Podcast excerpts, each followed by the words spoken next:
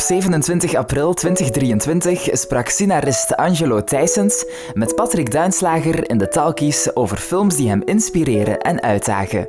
De Talkies zijn een initiatief van Filmfest Gent, Bibliotheek De Krook en Avanza Regio Gent. Goedenavond iedereen. Welkom bij deze editie van de Talkies, uh, samenwerking tussen Filmfest Gent en Bibliotheek De Krook.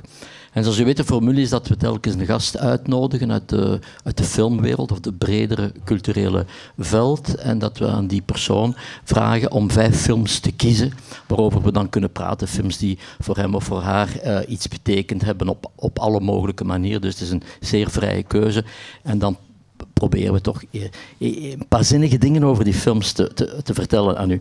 Um, ja, vanavond is het waar genoegen om hier Angelo Thijsens te hebben, die u al wellicht allemaal kent van de scenarist van de twee films van Lucas Dont, Girl and Close. Heeft ook dit jaar geloof ik ben je gedebuteerd als romanschrijver. Eind vorig jaar, ja. Eind vorig jaar, De, de Randen, dus debuutroman. En natuurlijk ook voor mensen die meer de toneelwereld volgen, ook uh, bekend uh, voor Ontroerend Goed, een, een, toneelgezelschap, waarin jij een beetje bedenker, acteur bent. Uh, vat ik dat goed samen? Ik, of? ik speel mee en ik mag meedoen. Ah ja, voilà, ja. dus ja. je bepaalt mee. Ja, Ale Alexander van Ontroerend Goed is hier, dus ik moet op mijn woorden letten vanavond. Oké. Okay. Um, nee, wij, wij, wij, werken als een soort collectief rond Alexander. Hij blijft de grote baas.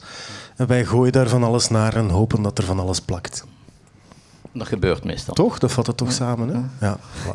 Uh, Oké, okay. maar vandaag, uh, vanavond gaan we het over film hebben. Uh, dus de vijf films die je gekozen hebt. We, we meteen van wal steken met de eerste. Dat is All the President's Men. Yes. Come on in. We can't come in, sir. Woodward says there's electronic surveillance.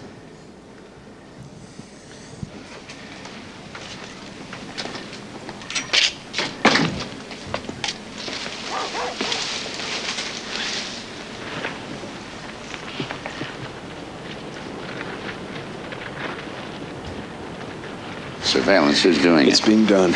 People's lives are in danger. Wait a Maybe minute. even ours. What happened to that justice source of yours? Well, I guess I made the instructions too complicated because he thought I said hang up when I just said hang on. Oh, Jesus. The story is right. Alderman was the fifth name to control that fund, and Sloan would have told the grand jury. that- Sloan wanted to tell the grand jury Why didn't he? because nobody asked. Nobody asked him. The cover-up had little to do with the break-in. It was to protect covert operations the covert activities involving the entire U.S. intelligence community. Did Deep Throat say that people's lives are in danger? Yes. What else did he say? He said everyone is involved.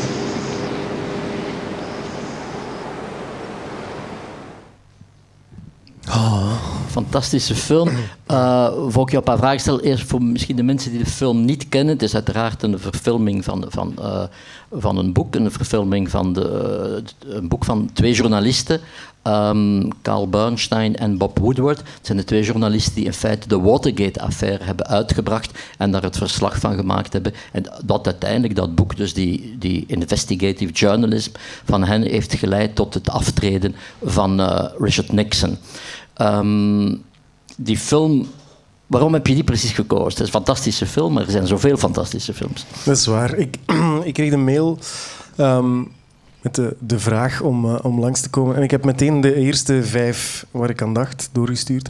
Maar deze zou er sowieso hebben bijgestaan. Um, dit is een film waarvan iedereen die ernaar begint te kijken weet hoe die gaat aflopen.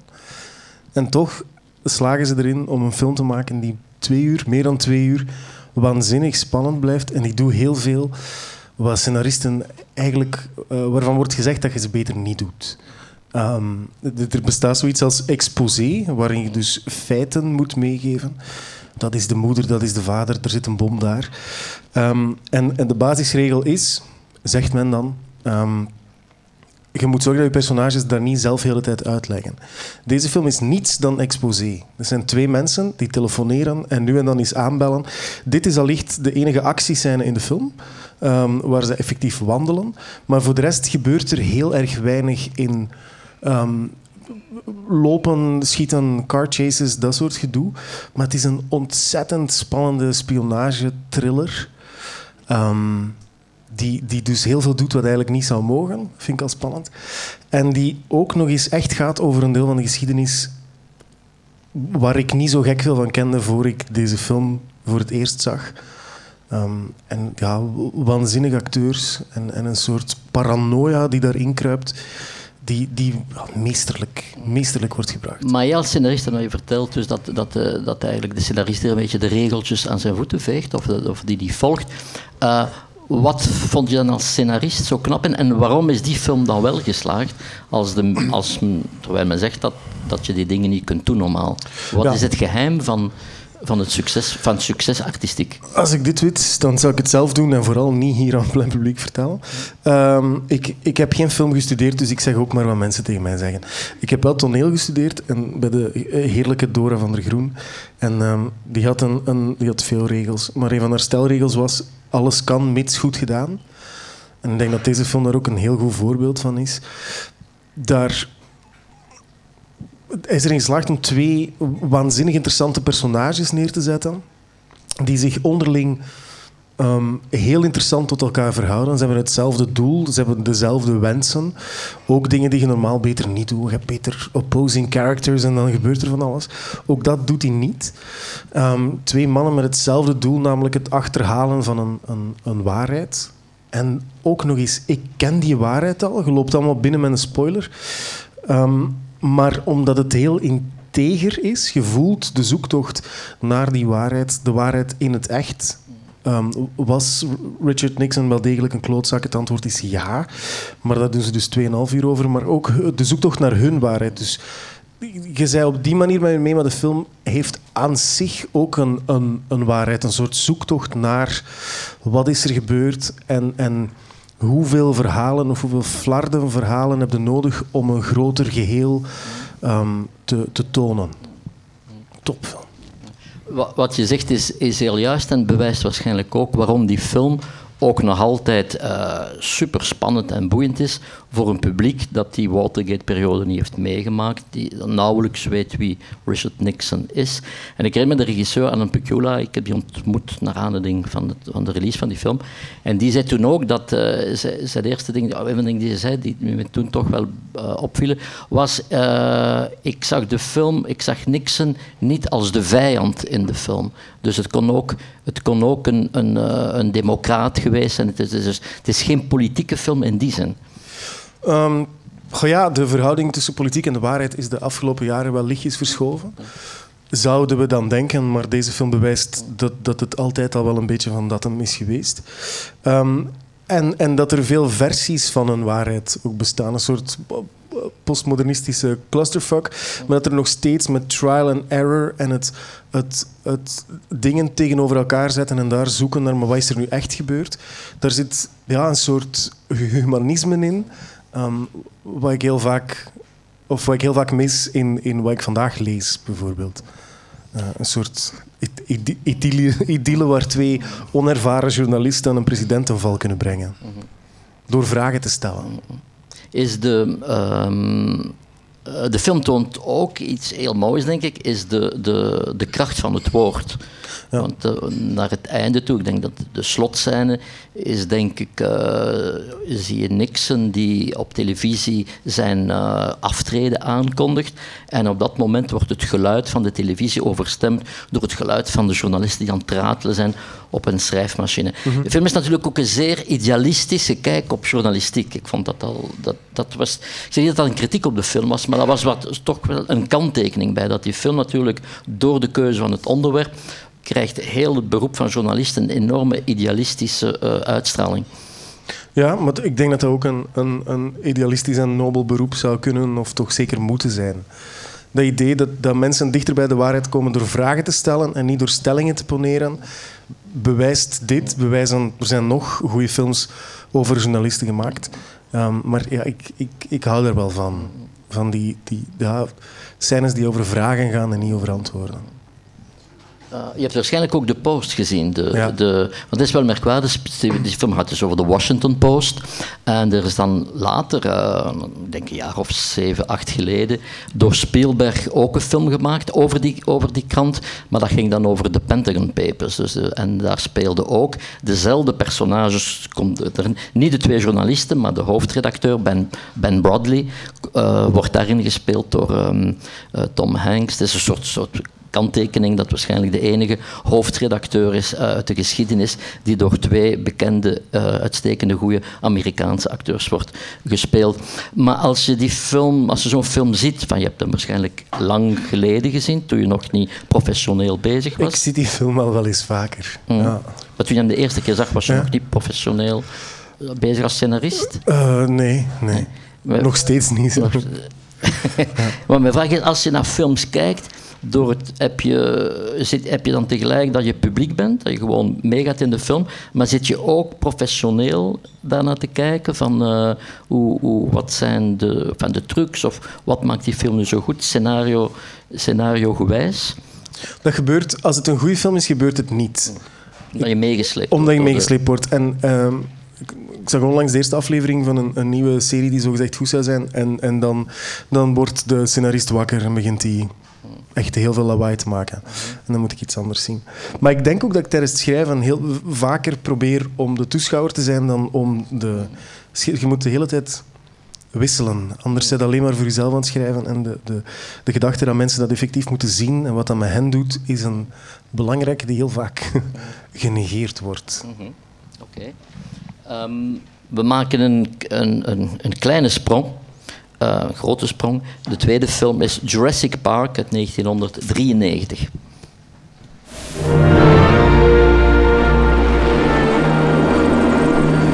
There it is. Welcome to Jurassic Park.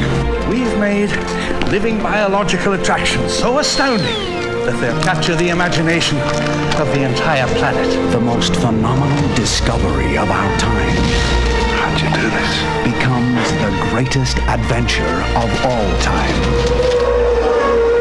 Can I touch it? Sure. Universal Pictures presents You feel that? Hold on to your butts. a Steven Spielberg film. Fences are failing all over the park. Yeah, that's nice. Gotta go. An adventure I can't get Jurassic Park back online. 65 million years in the making. Jurassic Park.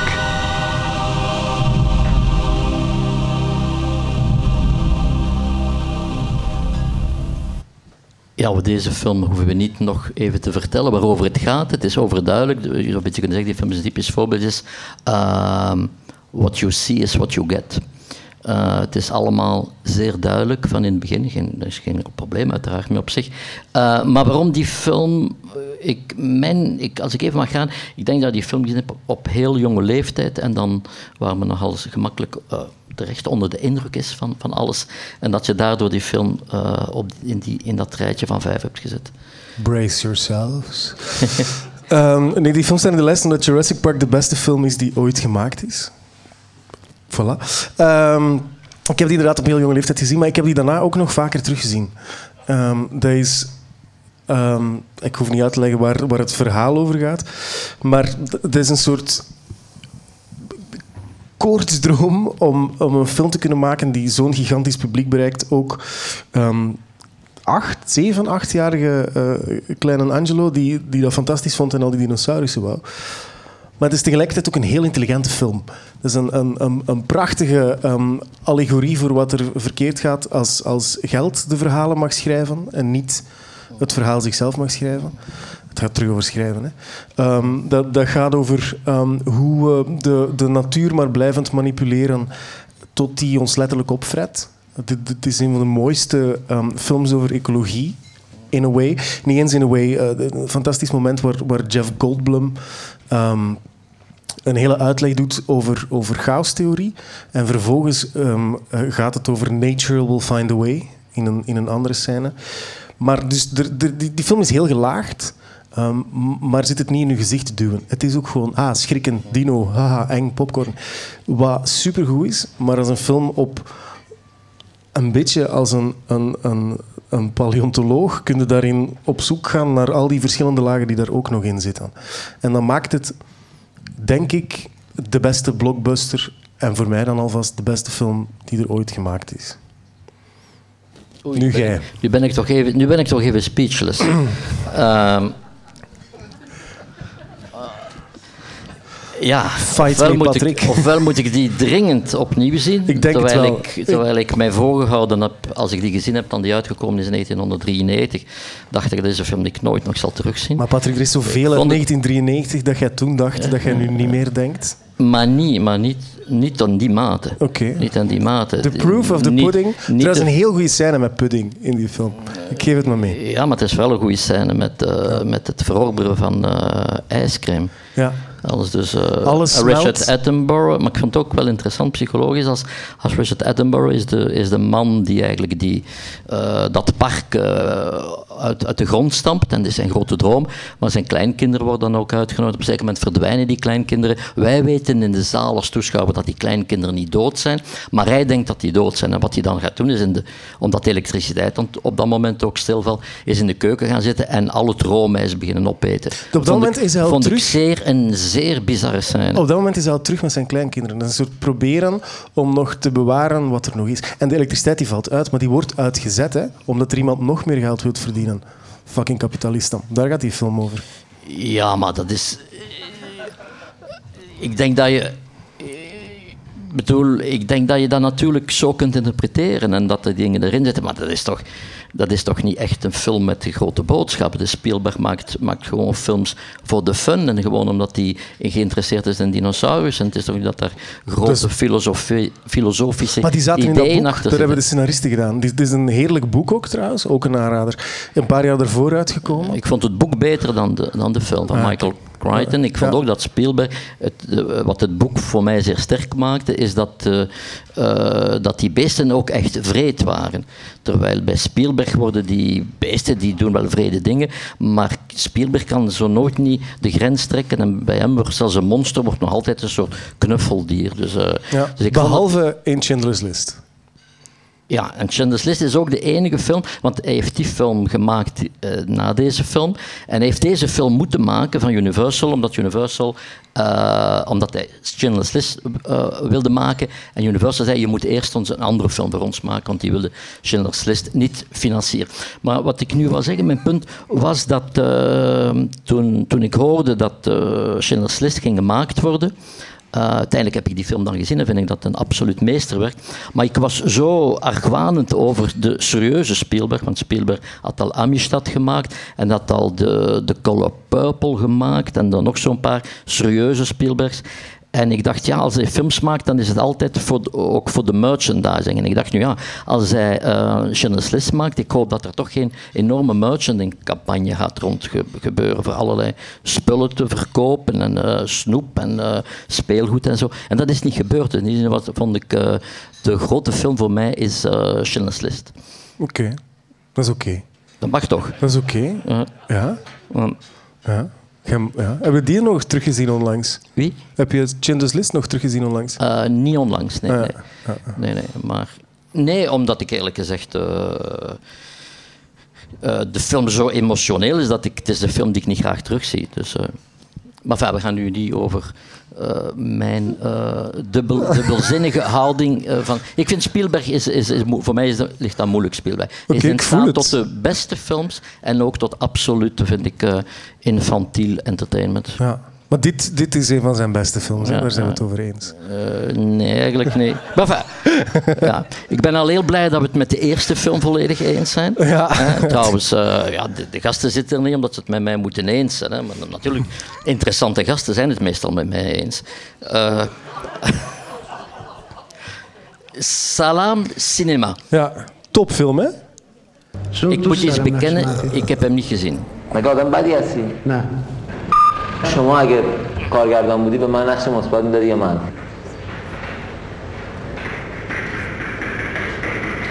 منفی می‌دادم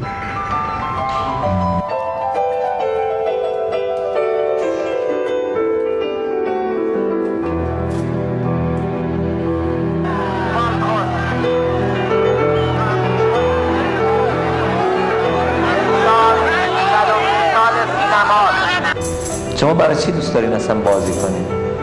علاقه دارم. خب اگر بهتون بگم که این بازی که الان می‌کنین بهترین نوع بازیه. همه بخندین؟ سی ثانیه وقت دارین گریه کنین. سکوت؟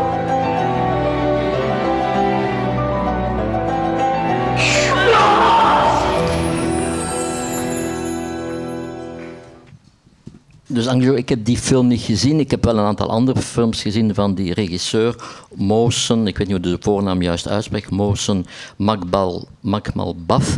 Dit is een uh, Iraanse regisseur en uh, die ook een hele familie heeft die films maakt. Heeft, een, heeft een, dochters die, twee of drie dochters die ook films maken, waarvan één uh, Samira de belangrijkste is. Maar het is een heel bijzondere film, in de, een bijzondere figuur in de Iraanse cinema, omdat het iemand is die, die zeer radicaal was in de, toen hij 17 was. Is, op een moment is hij trouwens in de gevangenis gevlogen omdat hij een, uh, uh, een, een, een aanval uh, tot een politieagent. En dat was de periode van de dictatuur onder de Shah. Um, en, maar nu is hij ook, of toch de laatste jaren, want ik heb hem nu de laatste jaren heb ik niet zo gevolgd wat hij deed. En ik heb precies wat minder van hem gehoord. Maar het is ook iemand die moeilijk ligt bij, bij, het, bij het islamitisch regime, omdat hij waarschijnlijk, omdat het iemand is met een eigen stem en die eigenlijk zich op geen enkele manier laat onderdrukken. -hmm. Ja. Hij wordt en ik verzin ik niet ter plekke, de Iraanse Spielberg genoemd. Mm. Ik geef het maar mee. Um, dit is een, uh, een, film die ik trouwens door, door, door Alexander heb leren kennen. Um, het, het, is een, een film die um, tegelijkertijd heel leesbaar, heel toegankelijk is, maar ook een soort meta-clusterfuck om van te smullen. De film zelf is eigenlijk een hele lange casting voor de film die zal worden gemaakt. Maar die castings worden gefilmd en die zijn eigenlijk al de film. Dus de mensen die auditie komen doen. Ik, ja, ik ga, niet, ik niet te veel vertellen, want je moet die film echt allemaal zien. Het is echt een, een wonderbaarlijk meesterwerk. Maar de mensen die auditie komen doen, die zijn dus al personages. Zoals dat ook gebeurt in documentaires, zoals dat ook gebeurt in fictiefilms. Op het moment dat iemand in beeld komt, wordt dat een personage of maken we daar als kijker een, een personage van. En daar speelt die film op wonderbaarlijke wijze mee. En wanneer heb je die film gezien? Was dat ook? Een jaar of op een... tien, tien geleden, zoiets. En is het specifiek voor die film, of was het ook de... de, de, want de film kadert natuurlijk in een hele uh, heropleving van de Iraanse cinema in die periode. Ik ben Iraanse geen cinema. expert wat Iraanse cinema betreft. Het ging mij echt om deze film. Deze film. Ja, en ik had nog een... een, een nu twintig films had gevraagd, daar allicht nog hybride vormen tussen gezeten, mm. tussen docu en, en, en fictie. Dat is heel sterk in de Iraanse cinema. Is dat een heel sterk uh, fenomeen? Ja, het, het praten waarover dat je wilt praten en tegelijkertijd niet zeggen. Je voelt natuurlijk dat die film gemaakt is onder een, een gesternte dat verhalen vertellen niet zo gunstig gezind is. En ik druk me heel voorzichtig en genuanceerd uit. Um, maar het, het feit dat, dat elke mens, ook weer een heel humanistische boodschap, het, het feit dat elke mens een verhaal heeft en is. En dan krijg je de, de, blik van de filmmaker en de filmmaker die zich bewust is en mij ook bewust maakt van het feit dat ik daar naar kijk. Dus je, je zit opnieuw naar heel veel lagen te kijken. En het is soms heel erg ontroerend en ook heel vaak heel erg grappig. Wat die film ook, en niet alleen die film, maar ook de, de films van Kiarostami bijvoorbeeld, en die hele uh, nieuwe golf van, van, intussen al een oudere golf, van Iraanse cinema, is ook de, de, dat je soms heel weinig middelen nodig hebt om pareltjes te maken. Dat je eigenlijk de kracht kunt putten ook uit de eenvoud, de eenvoud van de gebruikte uh, technologie. De, de, en dat is ook zeer mooi in die films, vergeleken met... Uh, mensen die altijd met groot spektakel uitpakken, zoals Steven Spielberg bijvoorbeeld, of andere mm-hmm. regisseurs. Is dat, iets wat je ook aantrekt? Uh... Ah, jongen, ik maak films in België. Uh, voilà. voilà. Ja. Had ik gedacht. Uh, ja, nee, ja. De, het, het, als, het, als het inderdaad kan verteld worden, zoals hier, met Um, het is nog lang voor Lars von Trier het deed, met wat tape op de grond en het, de, de, de camera die zichtbaar in beeld loopt. En, en er dan in slagen om daar, daar iets uit te, te, te distilleren, iets te maken. Het mooie is ook dat ze niet proberen om, om, om met twee emmers en een ventilator een ruimteschip te bouwen. Mm Kan ook tof zijn, hè? Um, maar dat ook omarmen, dat tonen. En dus het idee niet ondergeschikt laten zijn aan de vorm. De vorm volgt het idee, ehm, om, om Loos te citeren. Ehm, maar het, het, het klopt, er is niet meer nodig om die film te maken.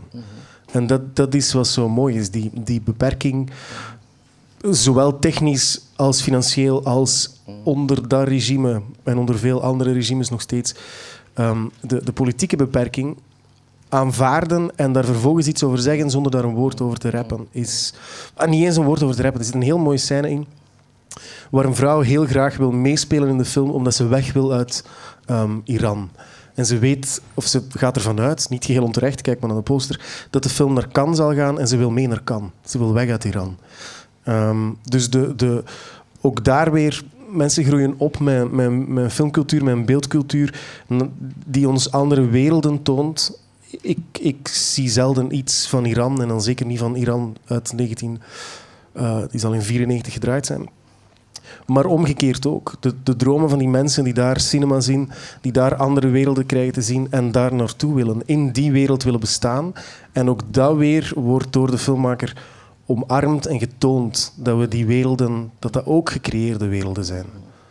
Ja. Kun, kunnen we zeggen dat je op uh, wat film kijken betreft, dat je een beetje een uh, van alles ik kan niet zeggen alles vreder klinkt een beetje pejoratief, maar in die zin dat je toch van alle soorten cinema kan proeven, dat cinema voor u niet, dat blijkt ook uit je keuze, niet een bepaald type cinema moet zijn. Dat je in alle genres en alle benaderingen kun, je, kun je goede dingen maken. Ja, maar ik denk dat dat ook, ik denk dat dat ook klopt. Ik denk dat dat voor veel dingen geldt. Nog eens, hè, Dora van der Groen, alles kan, mits goed gedaan. Ik eet liever het beste pak friet dan, dan de matigste uh, haute cuisine maaltijd. Geef mij een goede haute cuisine maaltijd en ik ben vertrokken. Maar en ik denk dat dat voor, voor, voor alles geldt. Als het goed is, als het, als het tot op zekere hoogte integer blijft en, en het, het, het mij als kijker en als mens um, respecteert en mij niet van de dommen uit. Ja, nee, er is heel veel eh, zogezegd fantastische cinema waar ik echt gewoon niet wil naar kijken. Want, en bijvoorbeeld? Goh, ja. Ik, ik weet, Movie staat voor de helft vol, bijvoorbeeld. Dingen waarvan men dan zegt, hier moeten we nu met z'n allen eens naar kijken. Want dat is belangrijk, want dat is dan whatever, ooit belangrijk geweest. En als het niet werkt voor mij, dan is dat oké. Um, maar evengoed kan ik echt zwaar, zwaar gaan op een blockbuster. En ik denk en ik hoop dat mensen dat allemaal doen. Dat mensen op basis van wat ze zelf zien en zelf ervaren een, een keuze kunnen maken en een soort van smaakprofiel gaan samenstellen en niet denken, ah, ik kijk alleen maar uh, complexe Poolse uh, stomme films uit de jaren 60, want dat is de enige goede cinema die ooit gemaakt is. Of van dat ander soort bullshit. Ik geef les. Ik um, op, en wat ik, een van de eerste dingen die ik doe, is aan mijn studenten vragen welke film iedereen moet gezien hebben. Of, of door welke film ze zelf films willen gaan maken. En meestal laat ik dan eerst de helft van de klas uh, dat vertellen. En meestal zijn dat dingen die ik echt nog nooit gezien heb. Um, en dan zeg ik zelf dat dat bij mij Jurassic Park en Aladdin is. Uh, en dan plots komt er een soort eerlijkheid. En die liefde voor, voor cinema, die, die, je, mocht dan niet, je mocht daar niet al te veel de goede smaak van de anderen aan vasthangen. Want dan wordt dat te beperkend. En dan ga je zelf geen dingen meer vinden of ontdekken of, of geen fantastische eh, links niet meer gaan leggen. En dat is, dat is jammer, die beperking. De betere festivals, en ik, ik kijk nu even in sommige mensen hun richting, die, die doen dat ook. Die, die, die, die respecteren hun publiek door ze niet te zeggen enkel dit is goed, maar dit is er allemaal en kies vooral zelf. Voilà, merci Wim. um, ja, de vierde film is uh, Gary. Het is een Amerikaanse film van Gus Van Sant.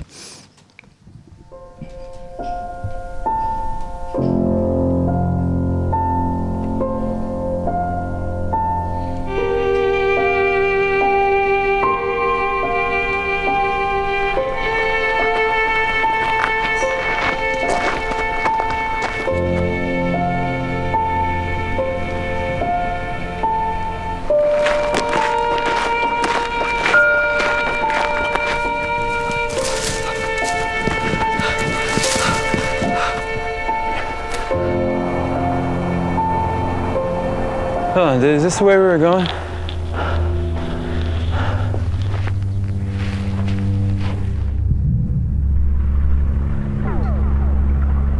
You go to that one. I'll go to this one. All right. You see anything? Big hills. Yeah. Where are you going? I don't know.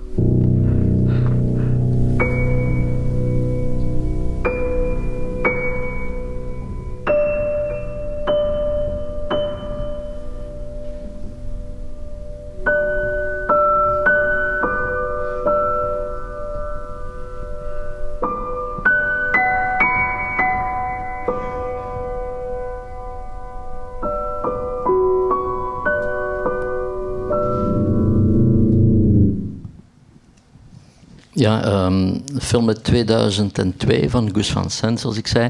Eh, ik denk dat je wel kunt zeggen dat het de meest minimalistische film is van Gus van Sant. Hij heeft een aantal films gemaakt die toch eh, iets ook breder publiek eh, hebben bereikt. Die film is een vrij obscure film. Ik vind het een prachtige film. Is denk ik ook vertoond geweest op het festival. maar ehm, waarom specifiek die film? Want ik kan me inbeelden dat de al in het algemeen figuur van Gus van Sant wel een, een filmmaker is die, die, die jou ligt. Ja, en soms ook niet. Uh, Gus van Sant is gelijk een boord van die uh, waarvan de meeste soms heel lekker kunnen zijn en je hebt er altijd een die je mond verschroeit. Um, zo, zo is Gus van Sant. Ik, uh, ik heb hem nog steeds niet vergeven. Hij heeft een, een opera gemaakt, of een musical, een paar jaar geleden over het leven van Andy Warhol. En, en die, ging, um, die stond in de single in Antwerpen en ik had er tickets voor gekocht. En omdat letterlijk al mijn ingewanden aan het huilen waren, na drie kwartier zijn we vertrokken. Um, dus hij moet nog eens iets goed maken om het goed te maken, omdat dat zo'n dieptepunt was. Maar dit, dit is een onovertroffen meesterwerk. Ik had ook evengoed um, Elephant of Paranoid Park kunnen nemen. Um, en als het moet, ook nog Last Days. Maar wat hij hier doet, is een film uh, met, met, met, Damon en de betere Affleck. Over twee mannen die elkaar allebei Jerry noemen. Um, dus ze heten allebei Jerry en ze zijn op zoek naar The Thing. Dat is het. En ze geraken een beetje verdwaald. En het is ook de enige film, denk ik, die ermee wegkomt om dat verschrikkelijk gejengel van die Arvo Pärt te gebruiken. Um, en daar een, een, soort poëzie mee te maken. Dus die, die film gaat over twee mannen die op zoek zijn naar iets waarvan nooit wordt benoemd wat het is. En het is de zoektocht en de, de, de vreemdsoortige relatie tussen die twee die maakt dat je blijft kijken. De, de, ik weet niet exact hoe dat de DOP is, maar de, de, de, de beelden zijn ja, schilderijtjes. Maar inderdaad, ik denk dat het scenario 21 pagina's was of zo. Um, en, en ja, een, een, filmmaker op het toppunt van zijn kunnen. Die, die met bijna niets een wereld maakt um, waar, waar ik heel graag in verdwaal. Ook weer zo'n film die ik al vaker opnieuw heb gezien. Het is een heel conceptuele film, kan je zeggen, vergeleken met een narratieve film. Dus een, maar het heeft een duidelijk begin, midden en een einde. Hè. Ze, ze, ze komen ergens toe, ze zoeken iets, het lukt niet. En er is, ik ga geen spoilers doen, een, een, een uitkomst. Um, ik, denk, ik denk zelfs dat als je het naast zo van die Amerikaanse filmwriters uh, schema's legt, dat alles in feite is ingevuld. Je weet al van in het begin wat ze willen. Um, dat is hun zoektocht daar naartoe. Er zijn letterlijk obstakels. Ik ben nu de film aan het uitleggen alsof het uh, zo'n zo een van die schema's is. Op een bepaald moment staan ze op een berg of klimmen ze op een rots. Een van de twee klimt op een rots en geraakt daar niet meer af. En een andere moet, en een scène die tien minuten duurt, zand verslepen, zodat de andere er weer veilig kan van afspringen. Er is geen grotere, uh, groter metamoment als het gaat over... Maar je moet obstakels hebben in je drama. En, en oh, zo, zo verliefd op die film. Vind je niet dat de film, hoe, hoe zuiver, denk ik, cinematografisch hij ook is dat je soms kan denken ook aan uh, absurd theater? Ja, ja, ja. Allee, dit, dit, is, dit, is, dit, is, dit is Wachten op Godot, maar dan, maar dan, uh, dan toffer. Of UNESCO of al dat soort dingen. Alleen hebben die altijd de neiging om zichzelf te gaan uitleggen. En deze film doet dat gelukkig niet. Die film bestaat en jij mocht in het gezelschap van die twee jonge mannen ook bestaan. Nou. Het is een film die, die voor, voor mensen die, laten we zeggen, niet meteen uh, toehappen of die zich niet, niet kunnen verplaatsen in, in de film, uh, zal die film zeker als zeer vervelend worden ervaren. Ja. Wat is jouw houding tegenover Vervelende films. Ja, want omdat je, ik, heb al films gezien die ik zeer goed vind en mensen zeggen het is vervelend. Ik zeg ja, het is vervelend, maar ik vind het zeer goed. Ik vind dat verveling ook iets positiefs kan zijn. Ver- verveling is ook een emotie. Ehm, mm, vervelend is ook gewoon vervelend. Dat, dat, is, dat is gewoon duidelijk. Die film is op het randje toch altijd. Dus- Dingen die lang duren en waar ik om een of andere reden geprikkeld ben om te blijven kijken, omdat het mij, omdat het mij boeit, omdat er ergens een soort, een soort mysterie zit, iets wat mij de volgende minuut en dan de volgende vijf minuten intrekt. Dat is het grote geheim van die film. Ehm, en van andere goede films. Maar ik, ik denk echt dat verveling, verveling is gewoon verveling. Hier krijg je de hele tijd dingen om naar te kijken en, en dingen om over na te denken. Ehm, of ik toch, misschien de andere mensen die gewoon echt vervelend vinden. Hè? En Andy Warhol, omdat je nu sprak dat hij die onvergevelijke film gemaakt heeft. Nee, nee, het is geen film. Het is een, het is een, het is Toneelstuk. een, het is een musical. Ze zingen ook nog. Ja. Maar Warhol, die toch ook wel eh, als een soort eh, extreem voorbeeld wordt gegeven van, die, van wat men zegt, tot op het randje gaan van verveling of erover zelfs. Ja, ja. Ja, nee, die musical was echt gewoon... Ik denk dat de technische term kak is. Ehm, Ik die de musical, over de figuur van, over, nee, over het werk van Warhol zelf. Ah, het werk van Warhol. Als, als film, hè, de films van Warhol. Ehm, Paul Morrissey, Warhol. Ja, ik heb, ik, heb, ik heb niet alles gezien. Ik heb Flash gezien, denk ik. Ehm, meneer hier ook. Ehm, ja, ja dat, dat is natuurlijk ook een soort manierisme en daar een beetje mee spelen en kijken hoe belangrijk ik ben. En dat is, zo, dat is, dat is gelijk dat verhaal over de, de sprookjes van koningin Fabiola die werden uitgegeven. Ehm, ik denk dat toen het, het satirische programma, ik denk dat Herman van Mollen of Jan van Rompuy is, die diezelfde sprookjes heeft opgestuurd zonder de naam van koningin Fabiola naar elke uitgeverij in België en die hebben die allemaal geweigerd. Ik denk dat er bij Andy Warhol ook zo'n factor meespeelt. een mooie vergelijking. Die Warhol en koningin Fabiola. Ja, dat is twee, niet snel twee gemaakt. fucking queens. Ja, ja. Dat is waar, dat is waar. Ik wou dat Andy Warhol zo lang geleefd had. Ehm, eh, maar dit geheel terzijde. Ehm, ik, ik denk dat dat ook meespeelt. Ik denk ook dat je natuurlijk ook vaak kijkt als het belangrijk wordt gevonden, of als het, als het die context is. Ik, bedoel, ik heb ook al in musea staan kijken naar, naar wat, wat conserveblikken op een rek en gedacht, oh joh, wauw. Terwijl ik dat in mijn Carrefour zelden doe. Ehm, dat is context. Dat is wat daar rond wordt gecreëerd. Daarom kijken we naar dingen ehm, als er een kader rond zit. En dat is wat die film ook illustreert. Zou je dat kunnen ook een immersieve film kunnen noemen? In de zin dat het een beetje... eh, Het is niet meteen, maar verwant aan een psychedelische trip. Je bent toch in die, je bent in de, zit in ik, die was, film. ik was daarnet aan het vertellen, eh, toen we nog op terras zaten, over de eerste keer dat ik die film heb gezien. En ik was echt kikestoned.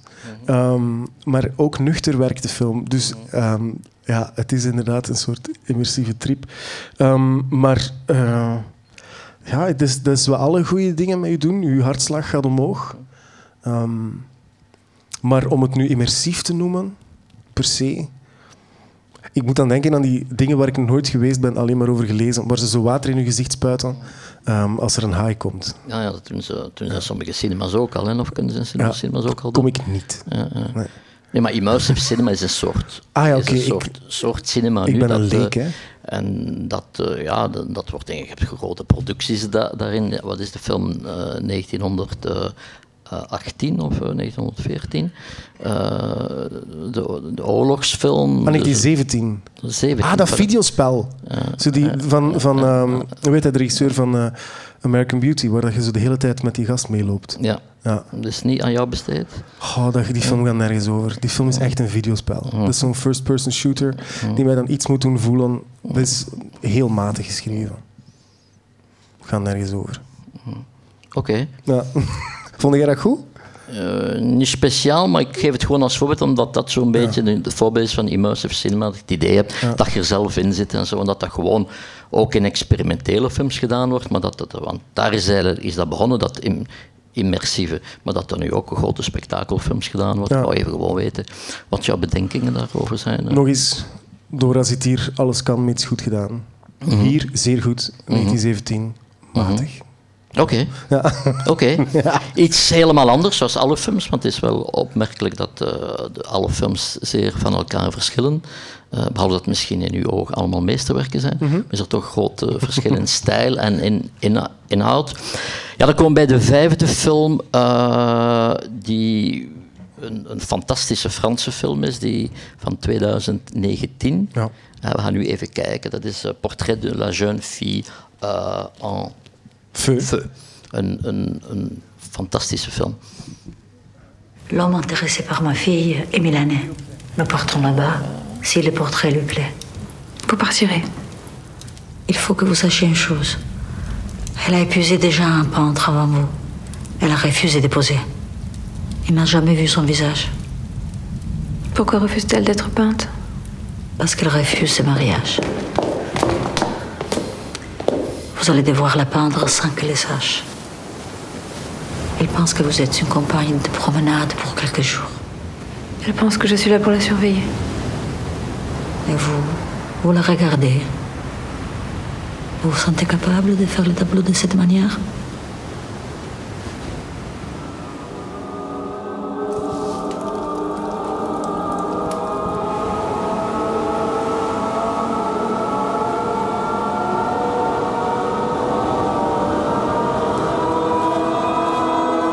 Je suis venue pour vous peindre. C'était donc ça vos regards.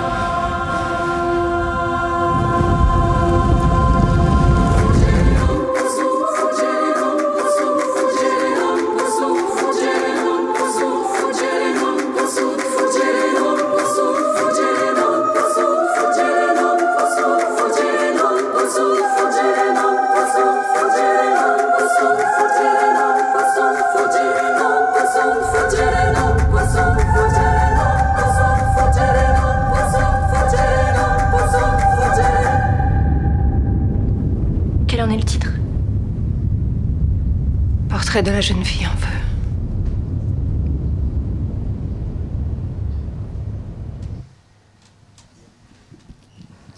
Ja, een prachtige film. Uh, voor mensen die hem niet zouden gezien hebben, wat zou je vertellen als wat ze nog moet nodig hebben als intro uh, naast de, de, trailer? Het is een film van uh, Céline Sciamma over mm -hmm. een, een vrouwelijke portretschilder. Het speelt zich ergens af in, laten we zeggen, de 18e, 19e eeuw. 18e eeuw. Um, ergens op een eiland. Um, waar um, een, een, een, portretschilder gevraagd wordt om een portret te maken van een, een, een jonge vrouw uit een, een, goed gezin. En op basis van dat portret zal ze worden uitgehuwelijkt. Maar er ontstaat een, een, een supermooie, een van de meest vurige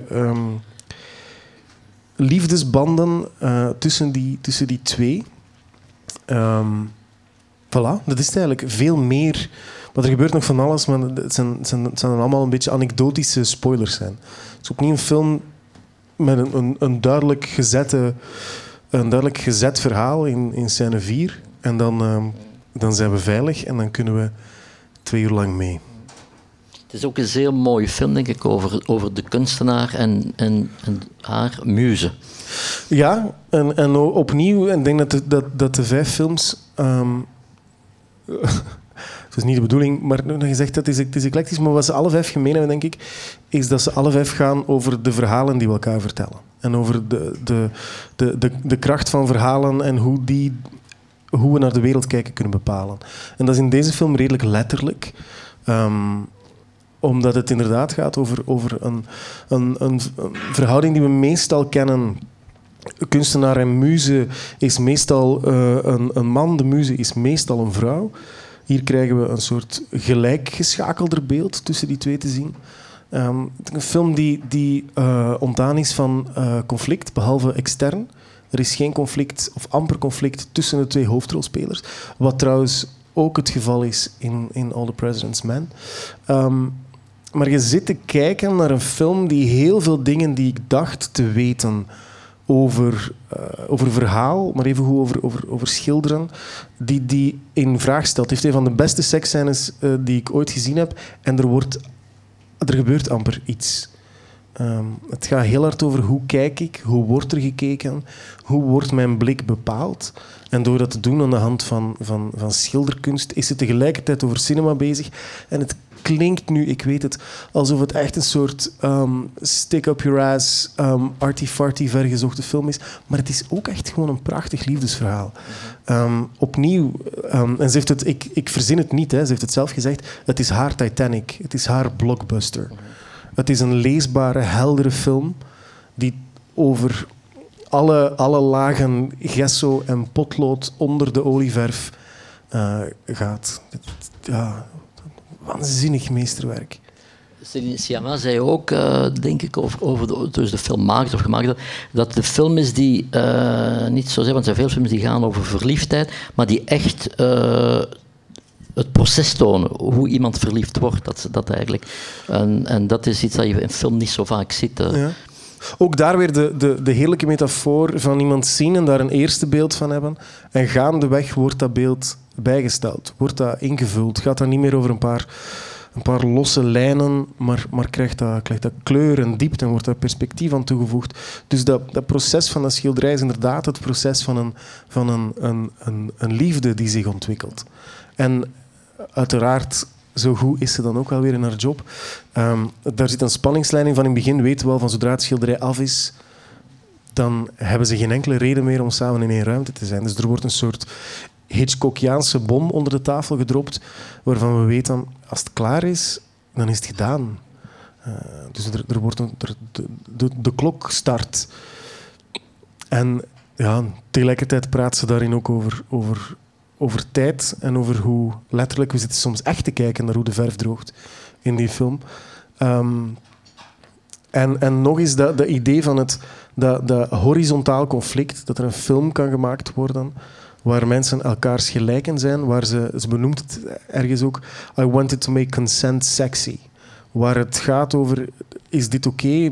Mag ik tot hier? Gaan we naar daar? Gaan we samen die grens opzoeken? Gaan we samen tot aan de rand van die ravijn om een beeld uit de, uit de trailer te recycleren? Um, het is een ontzettend hedendaagse film, um, maar heel vakkundig vermomd als kostuumdrama. Een, een, algemene vraag, maar die, die, betrekking heeft op die films.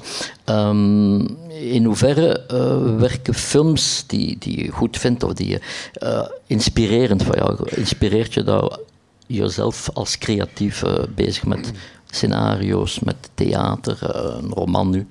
Word je, is dat stimulerend?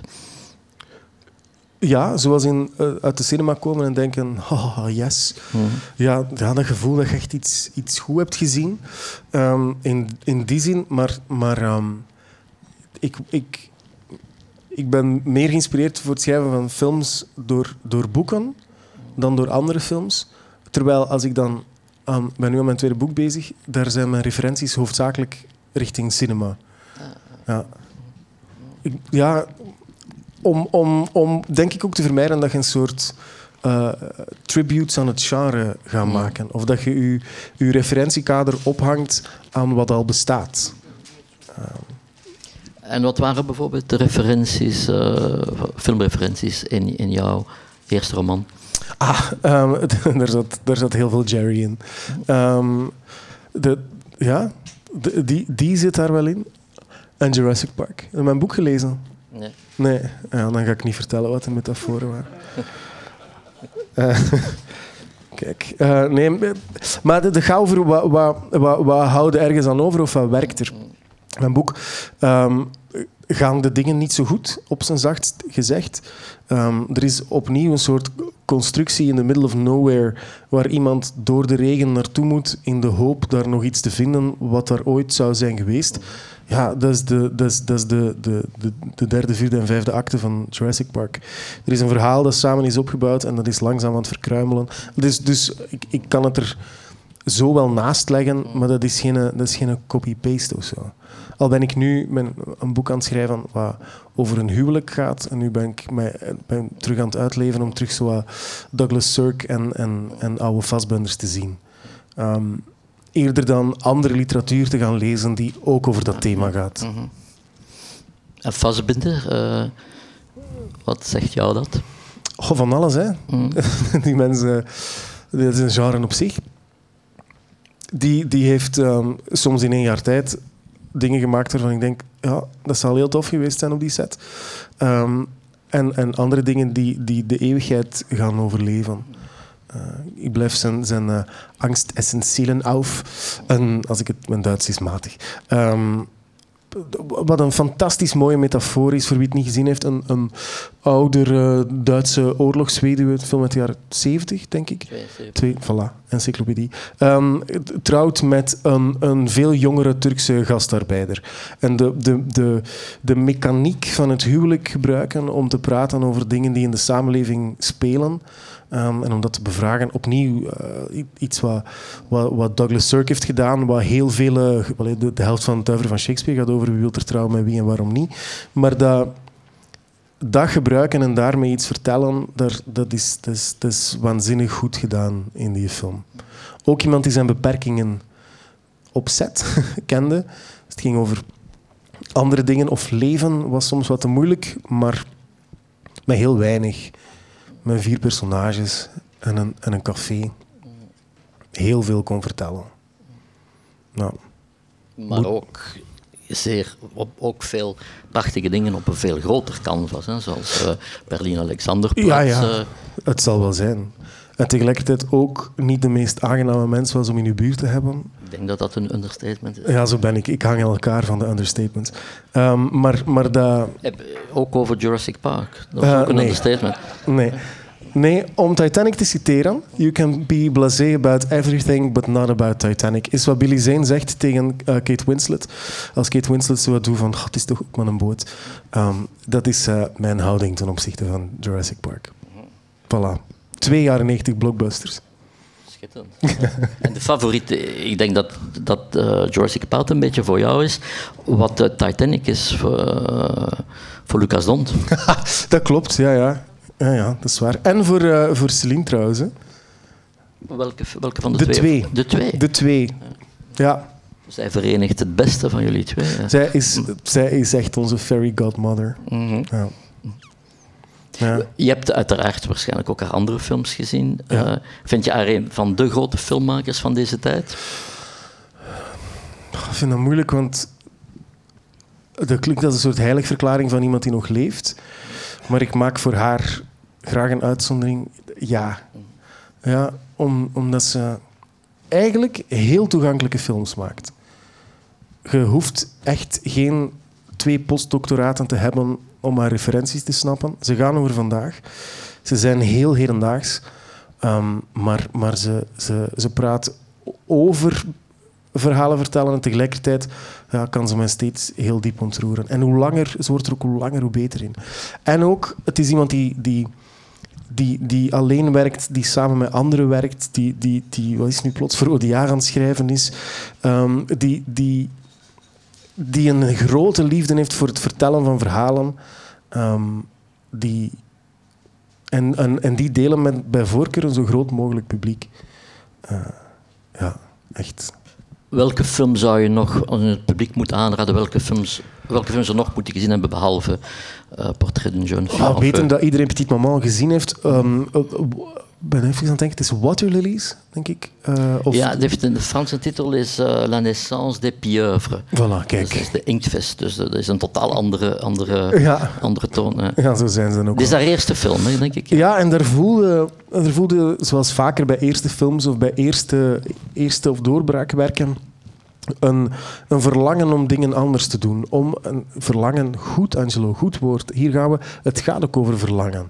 En de meeste van haar films gaan over verlangen, over ergens anders willen zijn, um, een, een, andere wereld willen. En, en die wereld moet een vorm geven. En, uh, de Water Lilies, of de, de, Franse titel, um, doen ze dat aan de hand van, um, hoe heet het, waterballet. Um, dus het, het, het, gebruiken van dingen die er zijn en, en, en daar een metafoor in vinden. Ja, Celine Sciamma. We, we waren erbij toen ze in 19 de prijs voor beste scenario won in, in Cannes. En ik, ik heb het gevoel dat mijn stem nog steeds een beetje schor is van toen echt te krijsen als een fangirl. Dat was echt, ze had toen echt gewoon ook die palm moeten krijgen. Maar um, Ja, dit, dit, dit uh, portret is echt voor haar voorlopige meesterwerk. Dat ze zo voortdoet uh, en, en, en begint te joggen, dan, dan wordt ze zeker 100. Dus dan hebben we echt nog 40 films van haar te goed. Prachtig, ja. ja, dat zou ik heel graag willen. Nog een vraagje over... Uh, je hebt, je hebt micro niet we hebben het, sorry, we hebben het gehad over, over film, een klein beetje over theater, over, over de man die je geschreven hebt. En, uh, wat, hoe sta je tegenover uh, televisieseries? Je hebt ontzettend veel interessante filmmakers ook die zich daar in dat medium wagen of die uh, dat format kiezen. Is dat iets dat, dat zou kunnen? Is dat iets wat je ergens prikkelt of heb je daar een vast een idee over? Nee, opnieuw, alles kan, iets goed gedaan. Ik ben er een aan het schrijven, dus ja ik probeer het goed te doen zodat het kan. Ja. Kan je er al iets meer over zeggen? Of, uh? Ja. uh, het is iets dat we heel traag en heel hard op ons gemak aan het ontwikkelen zijn aan de, aan de andere kant van het kanaal. Uh, ik zeg wij, niet uh, koninklijk meervoud, maar omdat ene Lucas Donter ook iets mee te maken heeft. Mm -hmm. ja. Het gaat over verlangen. En het gaat over verhalen vertellen. Mm. Het is een blockbuster. Mm -hmm. ja. Is het een miniserie of is het een... een... Het, is een het is een miniserie. Mm. Je zegt dat zo met een frons? Nee, nee. Niks tegen miniseries? Ik vind miniseries schitterend. Ah, okay. Vaak omdat je dan... omdat je vaak veel dingen ziet. Je zegt dat dat betere miniseries gebleven dan daar drie, ja. vier seizoenen over te maken. Dat is waar, dat is waar. Het was iets waar we oorspronkelijk een film van wilden maken, maar we voelden dat we mensen geen zes uur in de cinema konden houden. -hmm. uh, en, en het, dus opnieuw de form follows function. Dit, dit is beter geschikt daarvoor. En als alles goed gaat, wanneer uh, mogen we dat verwachten? uh, toch, dat zal nog een paar jaar duren. Tijd is onze grootste vriend. Mm. Voorlopig. Mm. Ja. Ik weet het niet. Als het klaar is, is het klaar. Is er al een titel? Ja. de voorlopige titel is Hunter. Ik zeg dit ook alleen maar omdat... Dat zijn dingen, ik voel me een beetje ongemakkelijk om daarover te praten. Okay. Omdat dat nog niet bestaat. Ja. Dat is zo... Dat is zo... Ja, kleren kiezen voor een ongeboren kind. Je weet nog niet wat hij gaat willen. Um, maar ik zeg alleen maar dingen die Lucas zelf al in interviews heeft gezegd. Dus ik heb niets verkeerd gezegd. Oké. Okay. Ja, denk ja. ik. Hoop ik. Ja. Oké, okay, we kijken er naar uit en we wensen je veel succes met, uh, alvast met die televisieserie. Als dat de eerste is wat je nu, wat je nu aan het maken nee. komt er nog iets voor? Ik weet het niet. Er zijn altijd... Ik, ik heb, kan nog, hebben we nog even? Ja, ja, ja. Um, ik, uh, ik was een, een, een, tijd geleden in, in, in Turijn, in Torino, is zo'n filmlab verbonden aan het, um, aan het filmfestival daar. En er was een, een, een lezing van iemand die vertelde over um, een tuin, een Franse story editor. dat de meeste, meeste kunstenaars, meeste, meeste kunstenaars eigenlijk, een, uh, de fout maken om als dit nu zo een stuk land zou zijn, om daar dan in het midden een boom in te zetten en vervolgens naar die boom te staren totdat een grote, grote boom is en ze daar dan mee kunnen doen wat ze willen. Terwijl er dus nog heel veel ander leven in die tuin mogelijk is. Als je die boom maar in de, in de hoek zet, dan is er schaduw voor schaduwplanten en daar kunnen we een compostbak zetten en, en hier wat eenjarigen en wat meerjarigen en zo wat shit laten groeien waarvan je niet weet wat het is. Dat, zo ziet mijn computer eruit. Uh, door dingen door elkaar te doen en die dan plots niet meer bestaan, of die dan plots, zoals het geval van mijn roman, dat je denkt, ah, het perspectief wat ik hier wil, kan ik niet in cinema doen, dus dit wordt een boek. Of deze film wordt iets voor tv, of, en dat geldt voor de meeste projecten, dit wordt niets. Maar dat is ook oké. Okay. Um, dus er, zijn altijd dingen tegelijk um, bezig om het ecosysteem gezond te houden. Oké. Okay. Ja? Dank u wel. Jij bedankt. Voor uh, deze babbel. Uh, ik hoop, dames en heren, dat u van genoten heeft. En uh, we zien u graag terug volgende maand. nee, het is eigenlijk binnen twee maanden, maar het is 1 juni, dus het is eigenlijk een, goeie, een dikke maand nog. voor Matteo Simone. Dit is de, de laatste gast van dit seizoen. Dus 1 juni om 7 uur. Dat gaat ook tof zijn. Ik denk het wel. Matteo ja. is echt leuk. Ja, ja, ja. ja, Ken je hem persoonlijk goed? We hebben nog samen gewoond. Ah, voilà. Ja. Oké, okay, dan kan, je mij, kan ik straks even met u praten wat ik hem moet vragen. Ja, het, is niet, het was niet dat soort uh, samenwonen. Maar, uh, maar er is... Uh, ja, nee, ja. je kunt hem van alles vragen. En dit, dit, is, dit, is, dat is zijn grote talent en zijn enige probleem, dat hij op alles antwoordt. Mm. Ja. Super. Ja. Dank u wel. Jij bedankt. Ja. Dank u wel.